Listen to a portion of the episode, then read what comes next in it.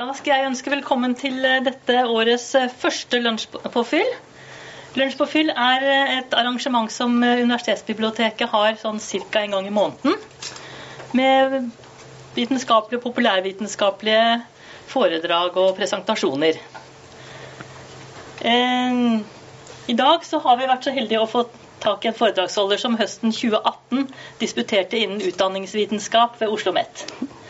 Tuva Bjørkvold er førsteamanuensis ved Fakultet for lærerutdanning og internasjonale studier her, og temaet i dag er å skape behov for skriving, hvor hun studerer elevers faglige skriving på barnetrinnet.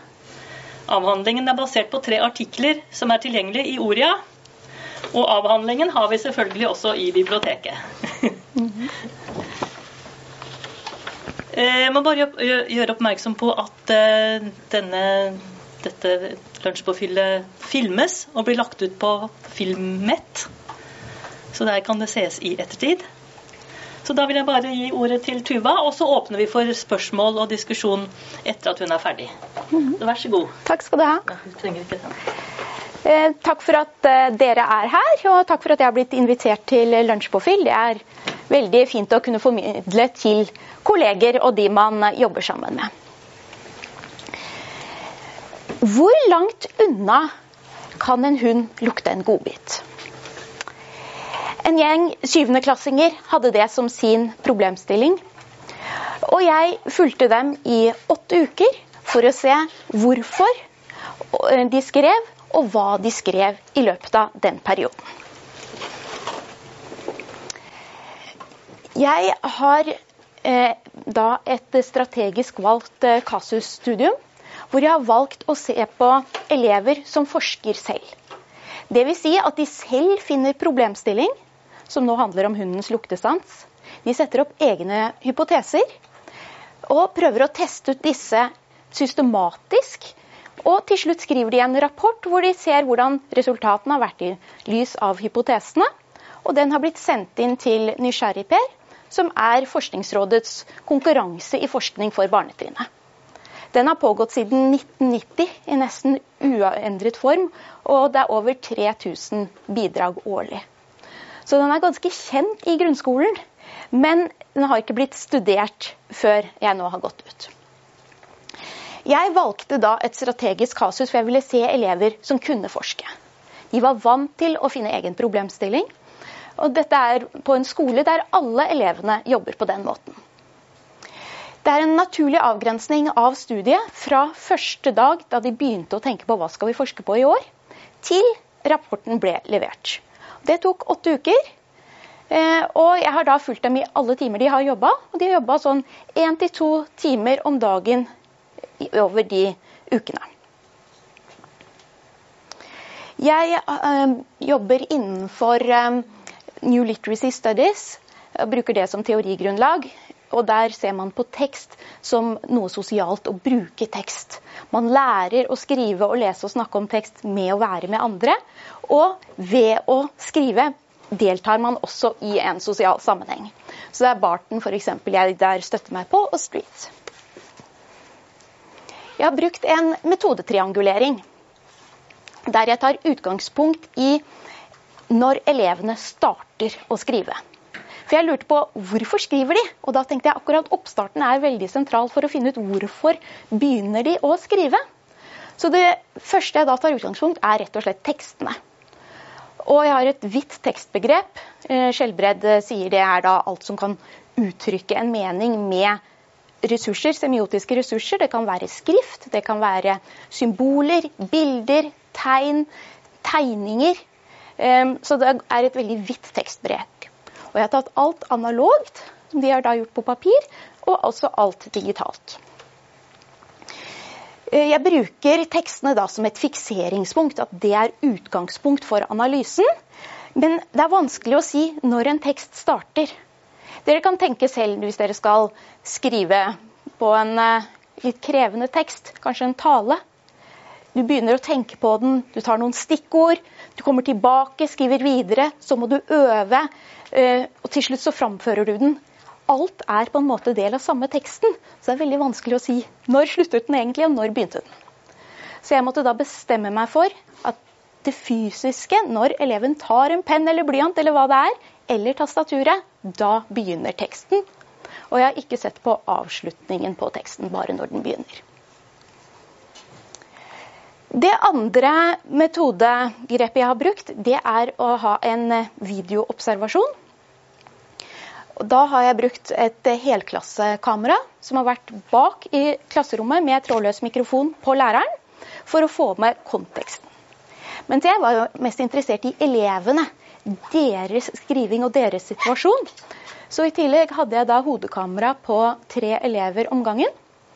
Um, og det er de kameraene man bruker i slalåmbakken. Dere har sikkert sett dem. Så det er sånne GoPro-kameraer som tåler at de er ute, de tåler at de går rundt og bruker dem. De har en synsvinkel på 170 grader som tilsvarer ganske normalt syn for 11-12-åringer. Og det er også innbygget mikrofon, så også høreopplevelsen blir ganske riktig. For dette var en eh, klasse med 21 elever, eh, seks jenter og 15 gutter. De jobba jo mye i grupper, så det summer, det er mye som skjer hele tiden. Men det, med det kameraet kunne jeg da se denne eleven, og, som, hva den så, og når de skrev. Veldig ofte i grupper, nesten aldri alene, og de valgte selv hvem de ville jobbe med.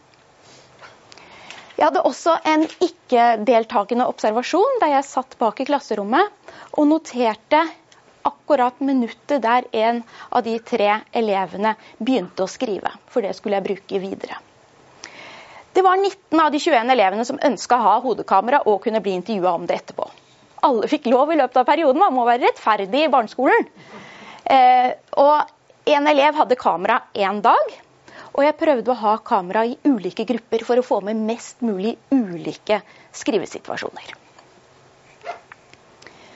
Det siste jeg gjorde, det var å ha videostimulerte intervjuer. For jeg var jo ute etter hvorfor skriver de? Så da brukte jeg feltskjemaet mitt, og så kamera 2, minutt 13. Da var det f.eks. her en jente som begynte å skrive. Her ser dere de er ute med en hund. Skal da gjøre et forsøk. Hvor langt unna klarer den å lukte godbit? De har målt opp meteret. Og så er det en som begynner å skrive noe her. Så dette er elevens synsvinkel. Så når de var ute og hadde friminutt, så tok jeg ut minnebrikkene av kameraet, satte det inn i min PC, fant akkurat det minuttet, og så kan jeg bruke dette klippet. Når elevene da kom tilbake, spurte jeg de som da hadde jobba. Så her var det hun jenta og de som var i den gruppa, om jeg kunne intervjue dem. Og de fikk da styre PC-en selv og skru av stoppe, og jeg ba dem hva skjer her? Jeg brukte et såkalt um, bevisst naivt språk for at jeg ikke skulle legge ord i munnen på dem. For barn er jo veldig gode til å skjønne hva lærere eller voksne er ute etter. Så da sa jeg hva er det du har på det arket? Og da hvis hun sa ja, det er notater fra eksperimentet, så kunne jeg gå inn på det nivået og snakke videre. Hvis hun sa jeg har skrevet opp det vi gjorde, vil jeg aldri bruke ordet notater. Og jeg ba dem da fortelle med egne ord hva de har gjort, og hvorfor de gjorde det. Og eh, jeg var også opptatt av at de måtte ikke ha en grunn. Det er ikke sånn at de måtte være veldig sånn reflektert. Det var helt greit å si vi bare begynte å skrive. Eh, totalt har jeg da 344 tekster. Eh, og da har jeg ikke tatt med 120 problemstillinger. 26 skoletimer med fire kameraer. Det er over 100 timer videomateriale og 22 elevintervjuer, som da går fra de fant problemstilling gjennom hele perioden, hvordan de satte opp hypoteser, hvordan skulle de egentlig undersøke dette, ganske frustrerende datainnsamling, og hvordan de skulle samle alt materialet til slutt og skrive den endelige rapporten. Så det er et stort materiale, men alt peker inn mot oppstart av skriving. Ehm, jeg har da analysert forbeholdet med skriving. Hvorfor skriver de det? Og jeg har brukt da noen eh, teoridrevne kategorier og også noen datadrevne. Vi ser først på de um, teoridrevne, som jeg bygger på Hol. Som dere kanskje kjenner fra før med å si at en tenketekst det er en tekst som er skrevet for å klargjøre egne tanker som er liksom, intern i sin gruppe. Og Og det er typisk tankekart og skisser osv. Hun er også opptatt av det presentasjonstekster som handler om å presentere informasjon. Så her f.eks. så er jo min eh, powerpoint, men også det jeg sier, en presentasjonstekst. Men da jeg prøvde uh, å eh, kategorisere elevenes tekster ut ifra hva de sa, og hvordan jeg så i sammenhengen hvordan de brukte det, så var de aller fleste tekstene verken tenketekster eller presentasjonstekster. De hadde artikler og tabeller og sånn, men det meste var notater når de gjorde forsøk. Det var skisser til hvordan skal vi klare å gjøre forsøk. Det var eh, intervjuguide for å intervjue noen. Det var e-poster og brev. Eh, og det kjenner jo alle igjen, at vi skriver jo masse for å få tak i informasjon. Og når det er litt um, overveldende datamengder, så bruker vi gjerne skrift for å prøve å få det ned. Men det er ikke det vi vil vise fram etterpå. Så derfor har jeg eh, bidratt med den termen arbeidstekster. Så det er tekster som er skrevet for å skaffe og håndtere informasjon. Tekstene kan være utadrettet ved f.eks. en e-post til en veterinær da, som er god på hundens luktesans. Eh, ut utafor klasserommet, men det kan også være i klasserommet til noen andre som jobber med noe litt annet. Um, og den, um, den kategorien ble da den aller største av hva jeg har sett. Og det kjenner man jo igjen fra vanlig skriving i arbeidslivet. At uh, det meste blir ikke en sånn artikkel du kan sende av gårde. Det er mye annet for å komme dit. Så da tenkte jeg å vise dere noen eksempler på disse kategoriene.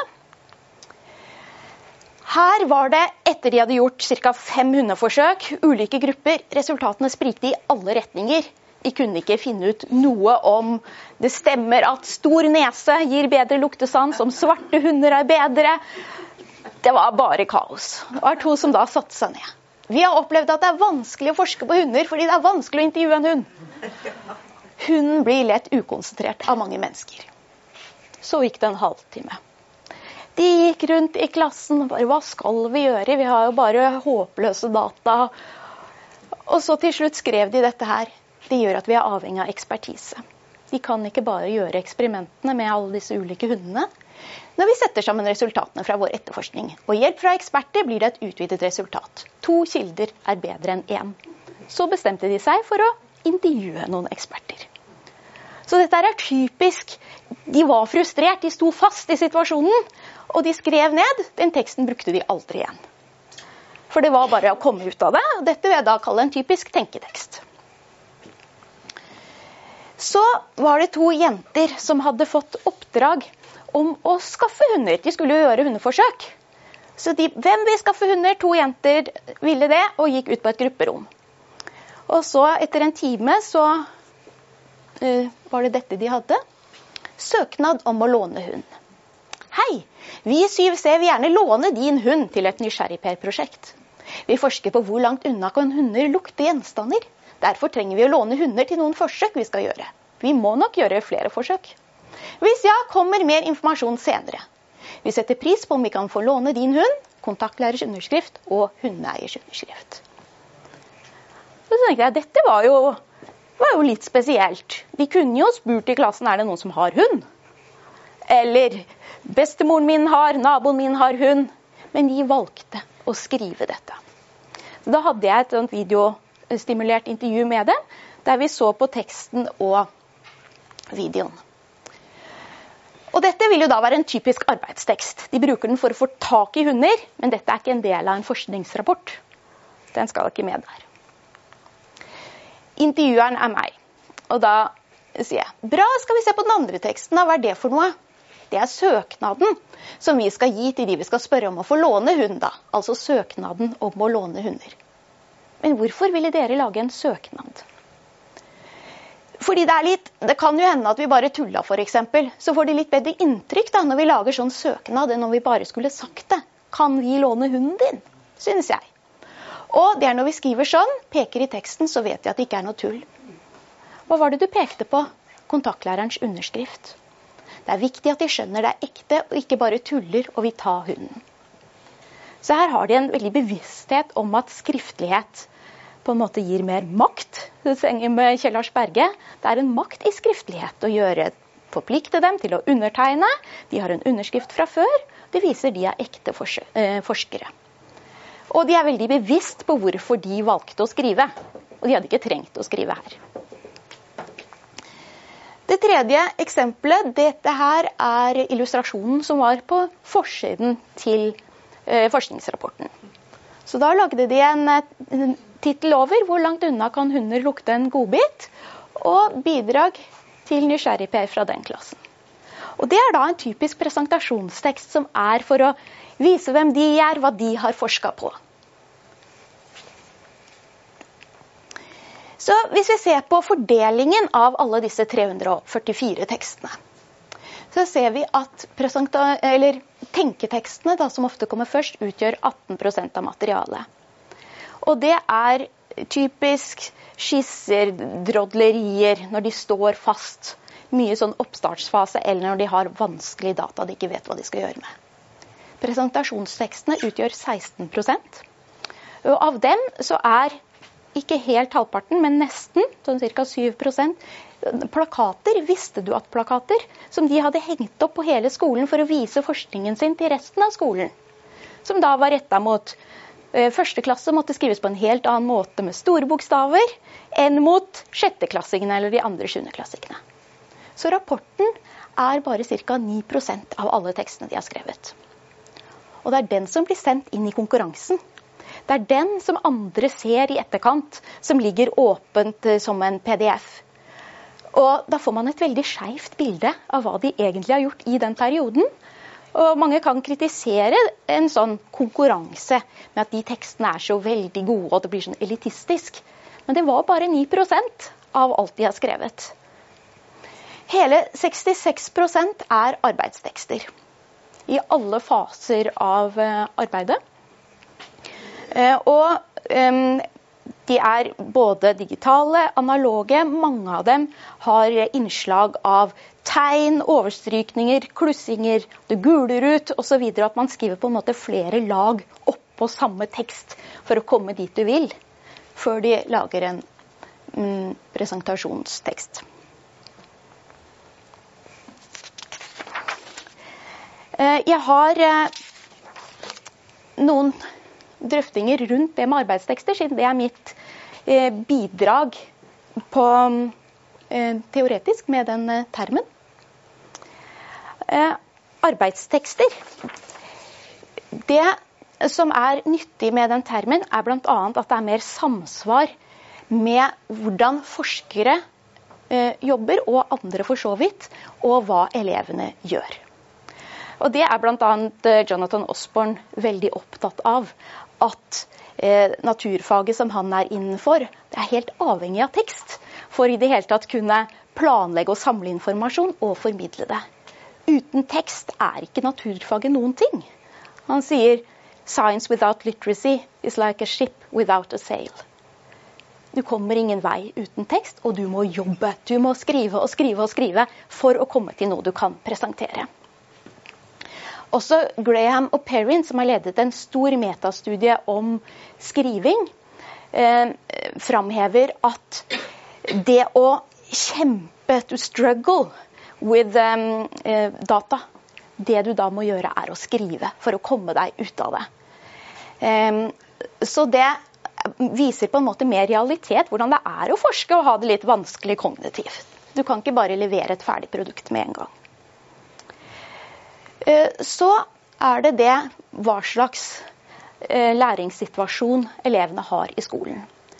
Roger Seljø bl.a. Eh, framhever at skolen i stor grad er reproduserende, og gjerne av skolens egen tekster av læreboka. Man lærer av læreboka, og så skal man skrive sammendrag, svare på spørsmål og sånn fra dem.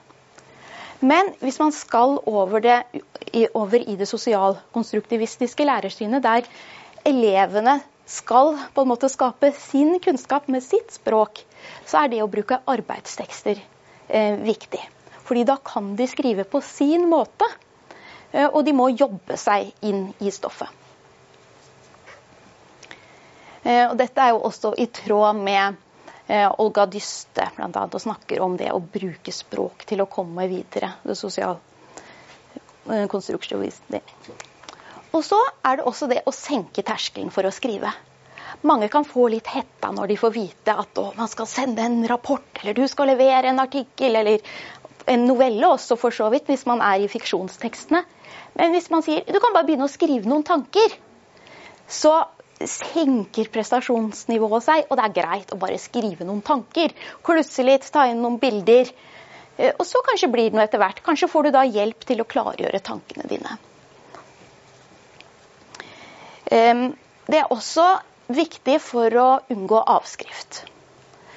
Monica Blåsjø har sett mye på bruk av avskrift på alle nivåer opp til professornivå, men også vitenskapelig skriving fra barnetrinnet.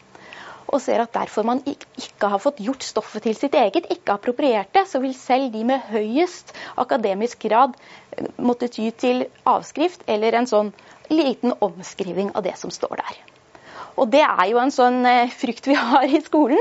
Det er så lett å bare skrive og kopiere fra Wikipedia og ulike kilder. Snu litt rundt på det, bruke et Google Translate, ta det til engelsk og tilbake til norsk. Så ser det litt annerledes ut. Har du arbeidstekster og krever det, så må du inn i stoffet selv. Du må gjøre det til ditt. Så den endelige formen har du ikke først. Så først når stoffet er på plass, så kan du begynne å tenke du skal skrive en populærvitenskapelig artikkel. Eller du skal lage en powerpoint av dette. Da begynner du å tenke form. Men tenker du form med en gang og ikke kan stoffet, så blir det nærmest avskrift automatisk. Så det er det jeg har om eh, arbeidstekster og de kategoriene. Eh, så tenkte jeg litt å se på en annen analysemåte jeg også brukte på de samme tekstene. Eh, fordi jeg var eh, opptatt av hvorfor begynte de å skrive. Eh, så her har jeg også sett mye hva slags tekster har de skrevet, noen formål i teksten. Men jeg lurte også på hva får dem i gang? Hvorfor tyr de til blyanten, da? Og da har jeg rene datadrevne kategorier. Eh, det første er en lærerinstruks. Der læreren direkte sier 'nå skal dere skrive'. Eh, og da er ordet 'skrive' brukt i ulike varianter. Eller det er en sjanger eller tekstkategori som læreren sier. Og Noen eksempler fra materialet da er så skal dere skrive ned hypoteser på det grønne papiret gruppen har fått. Da må man skrive. Det er oppgaven som er gitt. Eller kunne du være sekretær når vi diskuterer hundens luktesans? Skrive ned det klassen sier. Så var det en elev som fikk oppdrag å være sekretær og skrive ned fra klassediskusjonen. Så det er en ganske sånn klassisk kategori. Men eh, det er også så mye og dette er eh, lærerens term. Hun brukte oppdrag. F.eks. de eh, jentene som gikk ut for å prøve å skaffe hunder. Hun sa kan noen ta oppdraget med å skaffe hunder. Så hun ga dem en utfordring, eller et oppdrag, som de skulle løse. Og jeg har kalt dem åpne oppdrag. Fordi det er en utfordring gitt av læreren, ofte formulert gjennom formål og mottaker og de kan løses gjennom skriving, men de trenger det ikke. De jentene kunne klart å løse det oppdraget ved å be om håndsrekning i klassen og si 'hvem er det som har hund'? Eh, men de jeg har kategorisert, det er de som da har endt i skriving på en eller annen måte.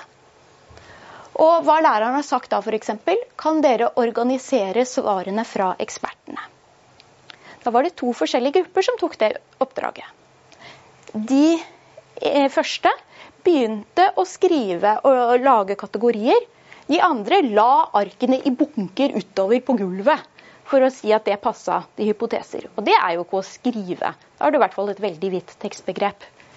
Eh, så begge løste jo oppgaven helt fint. Men noen valgte å skrive, noen valgte å ikke gjøre det. Så de åpne oppdragene har elevene et valg hvordan de vil gjøre det. Og det er ikke noe som er mer riktig enn det andre. Poenget er å klare å løse den utfordringen. Så er det elevinitiert skriving. Og det er når eleven selv begynner å skrive uten at eh, jeg har kunnet fange opp noen tydelig instruks eller påvirkning fra læreren. Det er typisk at de da har tatt notater fra en bok på internett eh, når de har intervjua noen osv. Da er det ingen som sier 'nå må du gå og skrive'. Og eh, på den eh, skriving, da var det et eksempel eh, hvor det var eh, to gutter som da hadde fått oppdraget å finne ut hva slags godbiter er best. Fordi de skulle jo gjøre eksperimenter, og da må det jo være mest mulig likt. da. Så de fikk lov til å gå ned i dyrebutikken på senteret. Skulle de intervjue hun som jobba der, da. Hva slags godbit er best? Og de gikk ned. Den ene hadde på seg hodekamera, så jeg slapp å følge etter dem. Og det er også veldig ålreit. Kunne jeg bare se på etterpå. Og fint intervju, og de var veldig fornøyd med dette her og skulle gå opp igjen i klassen og fortelle. Og sto foran klassen da og bare Ja, hva har dere gjort? Ja, vi har vært i Durebutikken. Ja, hva fant dere ut? Nei, det huska de ikke. Og, det ble bare sånn helt stille. Alle lurte jo på dette her. De 19 andre, Det er jo kjempeviktig å vite hva slags godbit. De klarte ikke. Og læreren bare Ja, takk, da får de gå og sette dere. Og de bare uh. Det var jo veldig viktig. Men eh, altså de satt og tenkte litt, og så gikk de bort til en av jentene som var flinkest til å skrive. da. Kan ikke du bli med oss ned i dyrebutikken en gang til, Og vi trenger en til å skrive? For de var veldig opptatt av at det var en som hadde spørsmålene, og en som skulle si spørsmålene. De klarte ikke å gjøre mer. Holdt det. Så fikk de med seg jenta ned, da. Gjorde intervjuet en gang til. Hun noterte. Og jeg tenker det er veldig tydelig elevinitiert skriving. Heldigvis ga ikke den læreren dem en notatblokk og sa 'husk å skrive opp, da. Hun lot dem gå i baret der og lot dem stå foran klassen og mislykkes. Men da de kom en gang til og hadde gode notater, så visste de virkelig hva slags godbit som var best. Så, så, jeg tenker læreren ga dem veldig mye muligheter til å skjønne selv, prøve selv, få lov til å feile, for dermed er suksessen mye større. Så noen eksempler på dette. Dette var Ta det grønne arket og skriv hypoteser. Dette her var hypoteser fra en problemstilling de ikke valgte. Hvorfor er det mange mennesker redde når det er mørkt? Men det var fordi de skulle prøve å finne ut hva slags problemstilling er best. Typisk lærerinstruks. Skriv sånn. Dette var da et åpent oppdrag. Læreren sa da kan noen tenke tanken hvordan vi kan gjøre hundeforsøkene tenke tanken, var ordet hun brukte. Det var åtte elever som ville gjøre det. Så De gikk ut på et gruppebord med, eh, rom med sånn stort bord, dro ned et sånn flippoverark, og alle begynte å skrive litt fra hver sin side. Dere ser det står litt sånn opp og ned og sånn, fordi alle satt rundt bordet og tegna og skrev. Så her er det en sånn idrettsplass. Her er det da mennesker som står med hund. da. For gjemt godbiter, og så er det noen sider oppover. og blader som de kan gjemme dem i. Det ble også veldig vanskelig, for det begynte jo å snø. Hvordan første hundeforsøkene var da det ikke var snø, så var det med snø. Også disse eh, elevene da valgte å skrive på et sånt åpent oppdrag. Så intervjua jeg dem om denne situasjonen. Kan dere forklare hva dere har gjort på dette arket? Ja, her er slettestien som er der oppe, og dette er fotballmål. Dette er gress. Er hvordan forsøket kan gjennomføres. Så starter vi her og gjemmer godbiten her. Og da finner vi ut om vi kan slippe dem om de drar i båndet. Jeg er nesten sikker på at de stikker ved godbit på 50 meter. Hvorfor gjorde dere det på den måten? Vi gjorde det annerledes først. Vi har to til her. Så har de to ark til som de har tegna på, som var da mye mindre sammenhengende. For her var det jo tross alt et helt sånt areal, for da hadde alle bare begynt å skrive på den. Vi gjorde det i fjor, og da var det lurt å tegne. For det viser hvor vi skal være, og hvordan det skal være. Hvis elevene hadde forska i fjor. Da hadde de forska på om det var lurt å bevege seg i friminuttet eller ikke for å gjøre det bedre på skolen. Og da hadde de laget en sånn hinderløype og sånn til seg selv og tegna opp det. Så den erfaringen brukte de da på at det var lurt å både tegne og skrive. Så de er reflektert på hvorfor de har valgt denne skrivingen. Og typisk da et åpent oppdrag. De kunne gjort noe annet. Her er det eksempel på en elevinitiert tekst. Her har de skrevet en e-post til en dame i narkotikapolitiet som har en hund. Eh, og de har sendt da intervjuguiden på e-post, som står øverst bl.a. Hvor mange år er hunden før den begynner å få svakere luktesans? Hvordan trener man hunder til å lukte narkotika? Får hunden mer lyst til å lete etter gjenstander når den er leken? Så hun hadde fått det på forhånd, og så skulle de ha et telefonintervju med henne. Og dette er da notatene de gjorde mens de var på telefon. Og det fant de på selv at de ville da skrive opp. Dette var jo da etter de som ikke huska noe om den godbiten. Så da hadde de jo kanskje fått tips at det er lurt. Så det er elevinitiert skriving. Her hadde ikke læreren påvirka dem på noen måte. Så intervjua dem om det. Hva er det på dette arket? Vi skrev fra da vi intervjuet hun i narkotikapolitiet. Det er bare svarene, for vi må huske dem. Ja, og spørsmålene hadde vi, men ikke det hun sa. Ikke sant? De skjønte de måtte ikke skrive opp spørsmålene, også selv om de sa dem. Hva har dere skrevet? Det hun sa. Ikke alt, men det viktige. Det er bare så vi husker. Så hvis dere kjenner den kategorien, så Dette er en type arbeidstekst da, ikke sant? som de skal bruke videre. Det er bare så de husker. De som er utafor, som er andre mottakere, trenger ikke å skjønne det som sto sto på den teksten der.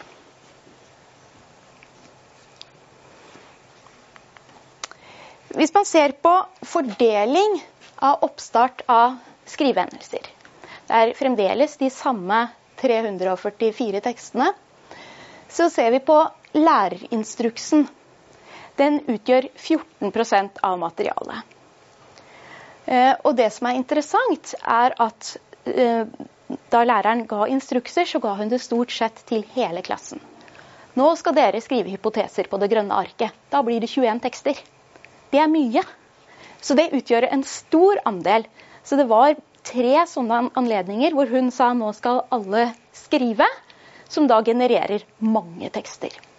Eh, hun hadde også at de skulle prøve å sammenfatte resultater og klare å trekke noe ut av den. At de skulle sette gul strek og blå strek osv. Så så hun brukte sånne viktige situasjoner for å få arbeidet framover. At de skulle klare å forske, da, få ordentlige hypoteser og klare å sammenfatte resultater. Og det ble da mange tekster på få situasjoner. Ehm, de åpne oppdragene utgjør den desidert største gruppa. Ehm, og de har stort sett gått til grupper eller små eller enkeltpersoner som drar med seg ekstra, som har vært sånn Kan dere organisere? Eh, hvem kan skaffe Eller kan dere ta oppdraget med å skaffe hunder? Eh, hvordan forside skal vi ha? Eh, at det er da elevene som har bestemt selv. Og de åpne oppdragene har også elevene vært bevisst på at de vil skrive. Ehm, F.eks. var det en gutt som ble veldig inspirert av at jeg brukte sånne GoPro-kamera til å forske. Og han hadde GoPro-kamera selv, og de forska jo. Så han ville jo også filme forsking. Så han drev og filma eh, gruppene som gjorde forsøk, bl.a. For at de da kunne se på klipp og prøve å standardisere dem. da. Selv om de hadde skrevet en sånn bruksanvisning hvordan de skulle gjøre det, men de måtte jo være forskjellige steder fra tunnene. Så han gikk da rundt og filma også, da, så sånn annerledes kameraeffekt. Um, og han uh, skrev da ned sånn På den filmen skal vi ha det minuttet, fordi det ligner mest på den filmen, osv. Og, så og da hadde han tatt det oppdraget hvordan skal vi få likest mulig forsøk, veldig på alvor med å gå og filme og så redigere en film med alles underforsøkene og se at de gjorde det så forskjellig. Og noen hadde da skrevet en eh, oppskrift, som de kalte det, og noen hadde lagd en dramatisering i klasserommet hvordan de skulle gjøre det. Så det var tre grupper som hadde jobba med å kunne standardisere eksperimentene etter den første veldig frustrerende uh, runden. Og alle er jo en fin måte å løse det oppdraget. Hvordan skal vi få uh, eksperimentene likest mulig?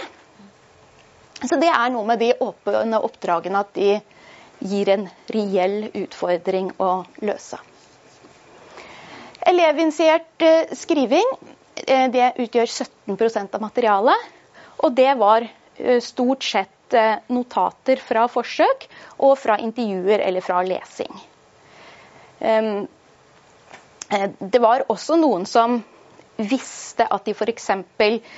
skal skrive et forord i en rapport. For disse gikk jo i sjuende og hadde forska hvert år siden første klasse.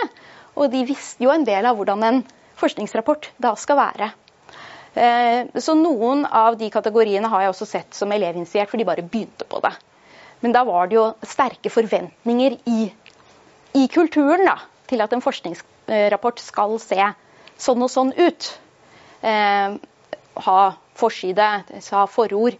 Men f.eks. For innholdsfortegnelse hadde ikke de tenkt på, selv om de har lagd det før. Så da måtte læreren mer sånn, få dem på sporet med at man må ha innholdsfortegnelse og, og vedlegg. Da.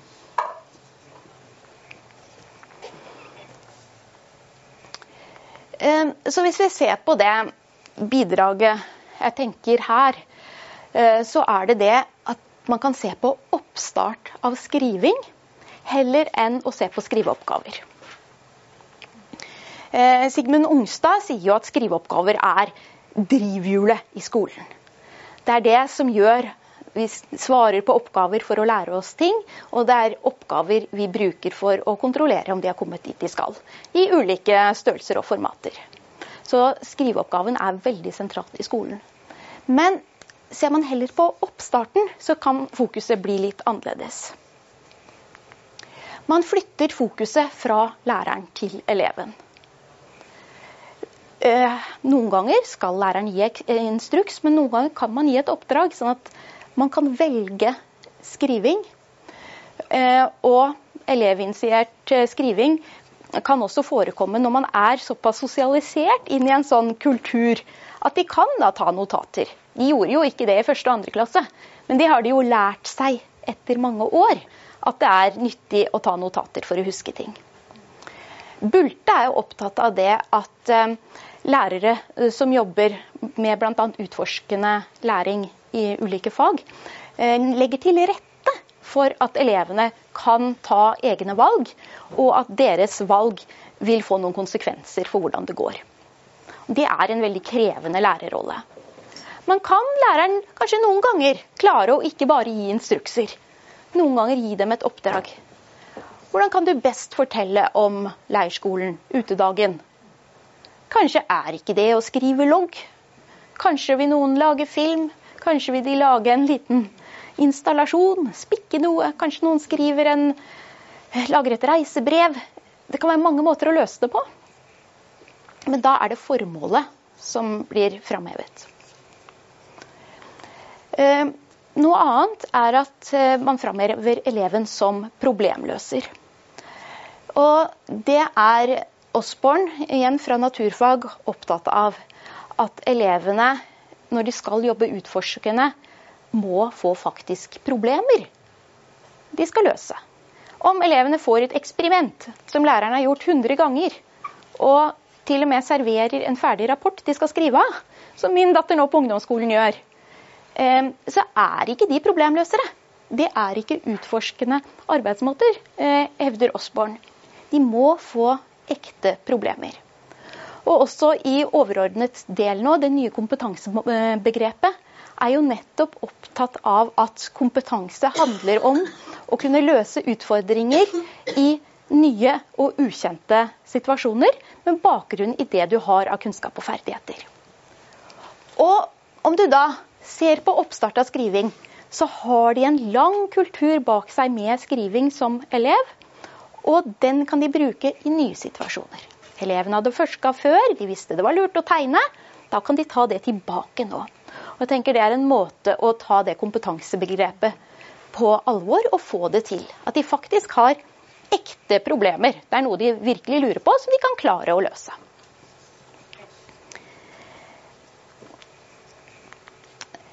Eh, så er det det at eh, disse oppdragene kan løses på flere måter. De har et reelt formål. Og det er Marte Blikstad Ballas og Frøydis Hertzberg ganske opptatt av.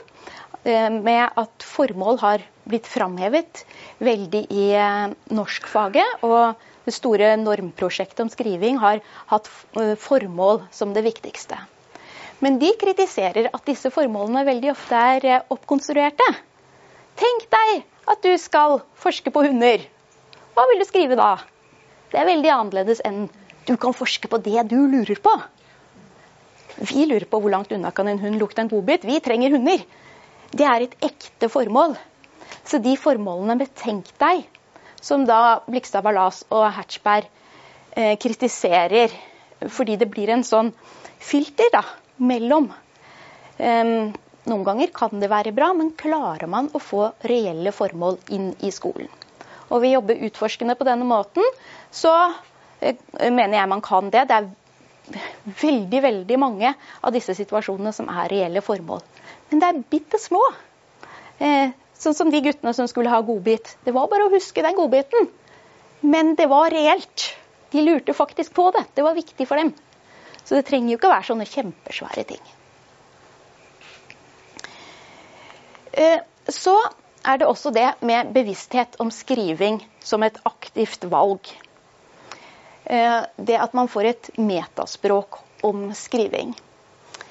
Eh, Sigmund Ungstad er eh, opptatt av at vi ikke bare skal se på elevens skriveutvikling, sånn hva som passer å skrive og lære dem nå, men skriverutvikling. Eleven som person, som skriver. Hvis de skal utvikle seg, så må de se på seg selv som en skriver. En som kan velge å skrive når det passer. Ikke bare få det pressa på 'nå skal du gjøre oppgave 14C', eh, som kan være en del av deres skriveutvikling. Men det å få bevissthet om hva skriving kan brukes til, at man velger det selv, eh, det er veldig sentralt for å utvikle en som skriver. Og Ellen Krogh um, har jobba mye med det begrepet i Danmark. Og sier at hvis du ser på dette med og eleven som skriver, Eh, så får de et helt annet forhold til hva de faktisk skriver, og andres tekster. At den bevegelsen fra å bare se på tekstene man jobber med, som en skoleoppgave, da, den rekonstruerende til å se på det er jeg som skriver, det er jeg som vil noe med disse tekstene her. Det forandrer hele fokuset. Og, de har sett en veldig utvikling på det når de har gått særlig inn i det på videregående nivå. Så hvis vi kan se på eleven som en skriver De kan velge å skrive, men de kan også gjøre noe helt annet, og noen ganger så må læreren godta det. Og at de kanskje gjør litt feil. Det er ikke så farlig. Det er viktigere at de kommer videre. Så, eh, så for å oppsummere litt Det å skape behov for skriving, som er da tittelen på min avhandling, det handler om å sette elever i situasjoner der de får reelle utfordringer. Det er oppgaver, utfordringer de har en genuin interesse av å få til. Og disse elevene meldte seg jo også på de ulike utfordringene, så de tok et ansvar for å få det til. Og da eh, plutselig blir skriving noe sentralt for dem. Og også de tekstene de da våger seg til å skrive ser også ut til å ha et høyere nivå enn de gjør i resten av undervisningen. Um, elevene jeg forska på, var um, aktive på å oppsøke andre når de sto fast. 'Du er så god på tabell. Kan ikke du hjelpe meg det? Hvordan skal jeg få dette inn i tabellen?' Uh, jeg, jeg, skjønner ikke det. De diskuterte bl.a. skulle det være mellomrom etter punktum og komma eller ikke. Og det var viktig, for dette skulle jo sendes inn i konkurransen. Da må det være så bra som mulig. Så gikk de til noen og spurte. Så den kollektive følelsen at de hadde et felles prosjekt, gjorde at de gikk rundt og hadde samskriving i grupper som læreren ikke hadde satt sammen, fordi de hadde en felles interesse av å løfte hverandre. Deres behov for å skrive var viktig, fordi de skulle levere en rapport, og de lurte veldig på dette her med hundens luktesans. Dessverre fant de ikke ut så veldig mye. Eh, men det var jo også en spennende konklusjon å lese. Eh, at det er ikke så lett at selv om narkotikahunder nesten alltid er svarte, så har svarte hunder egentlig bedre luktesans. Eller eh, Men det er også en del av forskning. Det er ikke alltid man finner så gode resultater. Så da tenkte jeg å avslutte der. Og hvis dere har noen spørsmål, så får dere bare spørre meg. Og tusen takk skal du ha. Dette Ja. ja. var kjempemorsomt å høre på. Så Ja, så virkelig, ja, veldig Jeg kjente meg litt igjen, jeg. Ja. er det noen som har noen spørsmål eller kommentarer?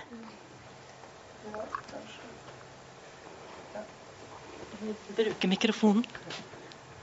Ja, tusen takk, det var kjempehyggelig. Og, Det er ikke lyd i den, den er bare for å opptake. å ja. Ehm, men jeg er, en, jeg er student, og så skriver eh, bacheloroppgave. så, så, så ja, det er jo en metode som man kan bruke det. Men her vi bruker jo teoretiske eh, mm, eh, forestillinger og sånn. Så hvordan man bruker lettere på en teoretisk eh, system for å finne løsning på en eh, eller metode som man skriver en bacheloroppgave for å komme eh, bedre resultat. Ja. Ja, tusen takk. For her har jo jeg brukt literacy-teori, eh, som går ut på at eh, at man handler med tekst. Du gjør noe med teksten. Eh, og det er ganske mye teori om det. Og noe som er sentralt, er at man da ser på alle literacy-hendelser, eller skrivehendelser. Så hvis du skal forske på noen som leser eller skriver, så ser du på den situasjonen og prøver å beskrive den så nøye du kan. Men så må du med utgangspunkt i det finne ut deres praksis. Hva er eh, deres kultur for skriving? Og Det kan man se på sammenhengen som mellom vær og klima. At du kan observere hver dag hvor mange eh, grader er det, hvor mye nedbør har det vært, hvor mye vind er det vært. Og så kan du da, på bakgrunn av alle de bare helt kalde dataene, trekke ut klima og si at her har vi et tropisk klima. Eller her har vi et temperert klima. og Det er samme måte man gjør det. Man ser på mange enkelthendelser, og så prøver man å em, trekke ut da, og abstrahere til et kulturnivå. Da, så se på tekstpraksiser. Så det er den teorien jeg har brukt. Uh, Og den, eh, den kan du også lese mer om i avhandlingen. Den literacy-teorien er ofte veldig anvendelig for å se hvordan man bruker tekst. Da, både lesing og skriving og det å snakke om tekst.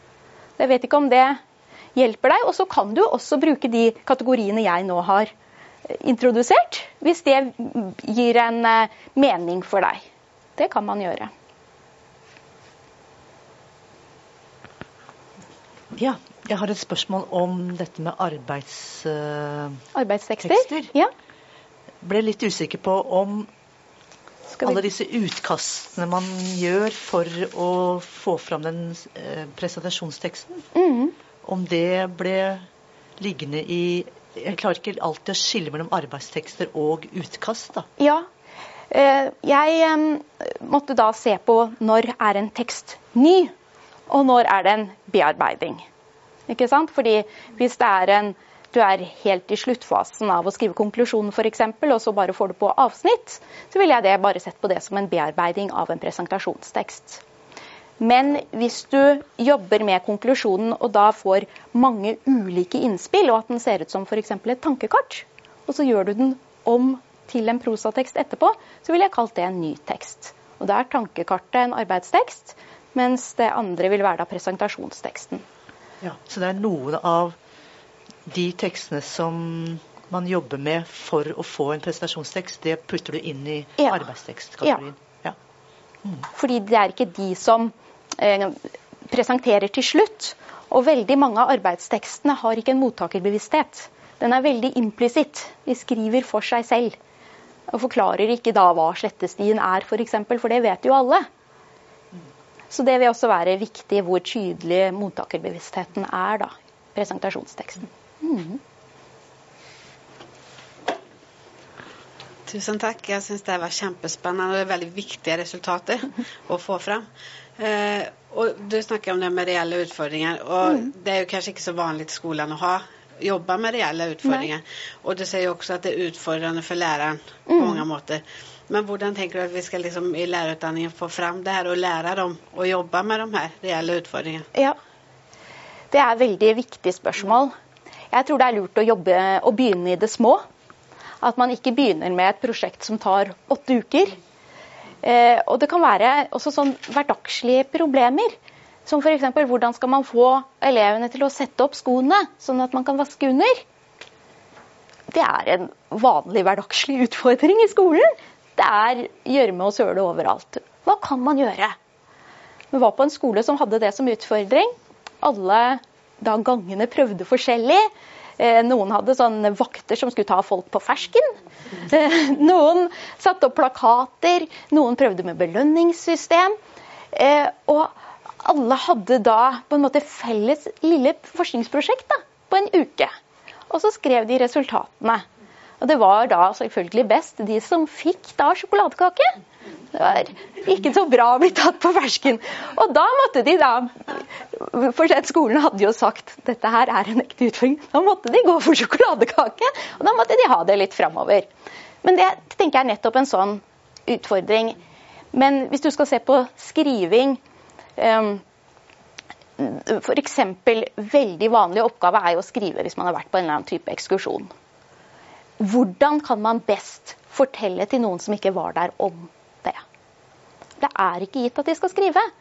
Men hvis 80% velger å skrive, så er det jo helt greit, men da har de faktisk gjort det. Og dette gjelder jo også i matte, hvordan komme til et svar, og ikke gi dem algoritmen.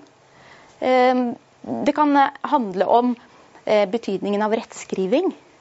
Er det så viktig at vi skriver likt alle sammen og følger rettskrivingsreglene?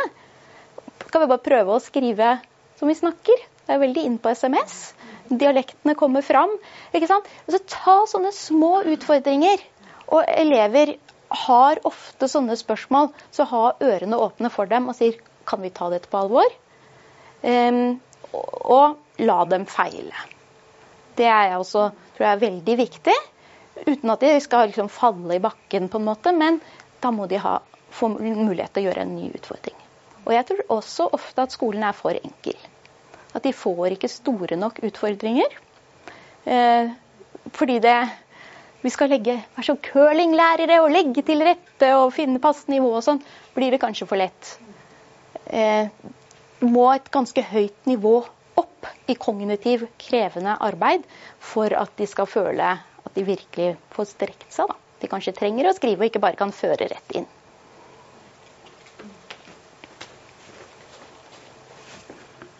Ja, for det jeg tenker er litt interessant, er jo hvordan dette her står i total Eller jeg føler det står i total motsetning til det fokuset på mål og kriterier som de fleste er veldig veldig opptatt av, og som vi egentlig lærer, lærer studentene at de skal være opptatt av også. Ja, det er noe av det viktigste. Ja, det er et uh, kjemperelevant spørsmål.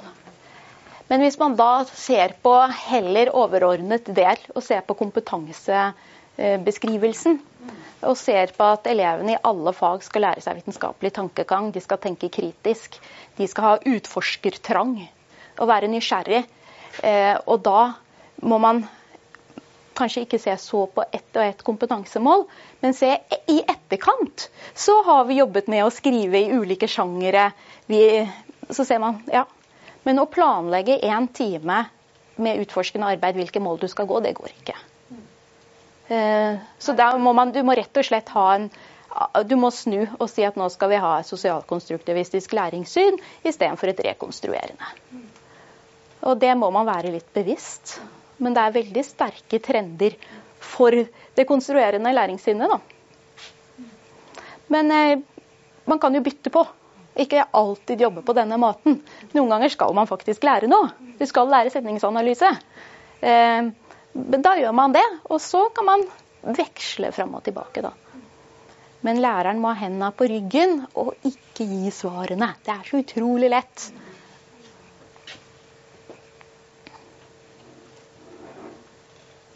Hvordan gikk det med dem? Kom de videre? Nei, de kom faktisk ikke til finalen.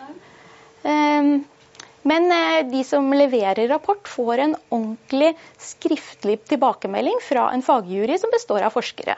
Så det er en veldig fin eh, tilbakemelding. Og det er jo sånn som for oss også. Når vi sender inn artikler, så får vi tilbake fra fagfelle, og noen ganger går den inn, og noen ganger gjør den ikke det. Men den tilbakemeldingen man får, er jo gull for da å kunne gå videre.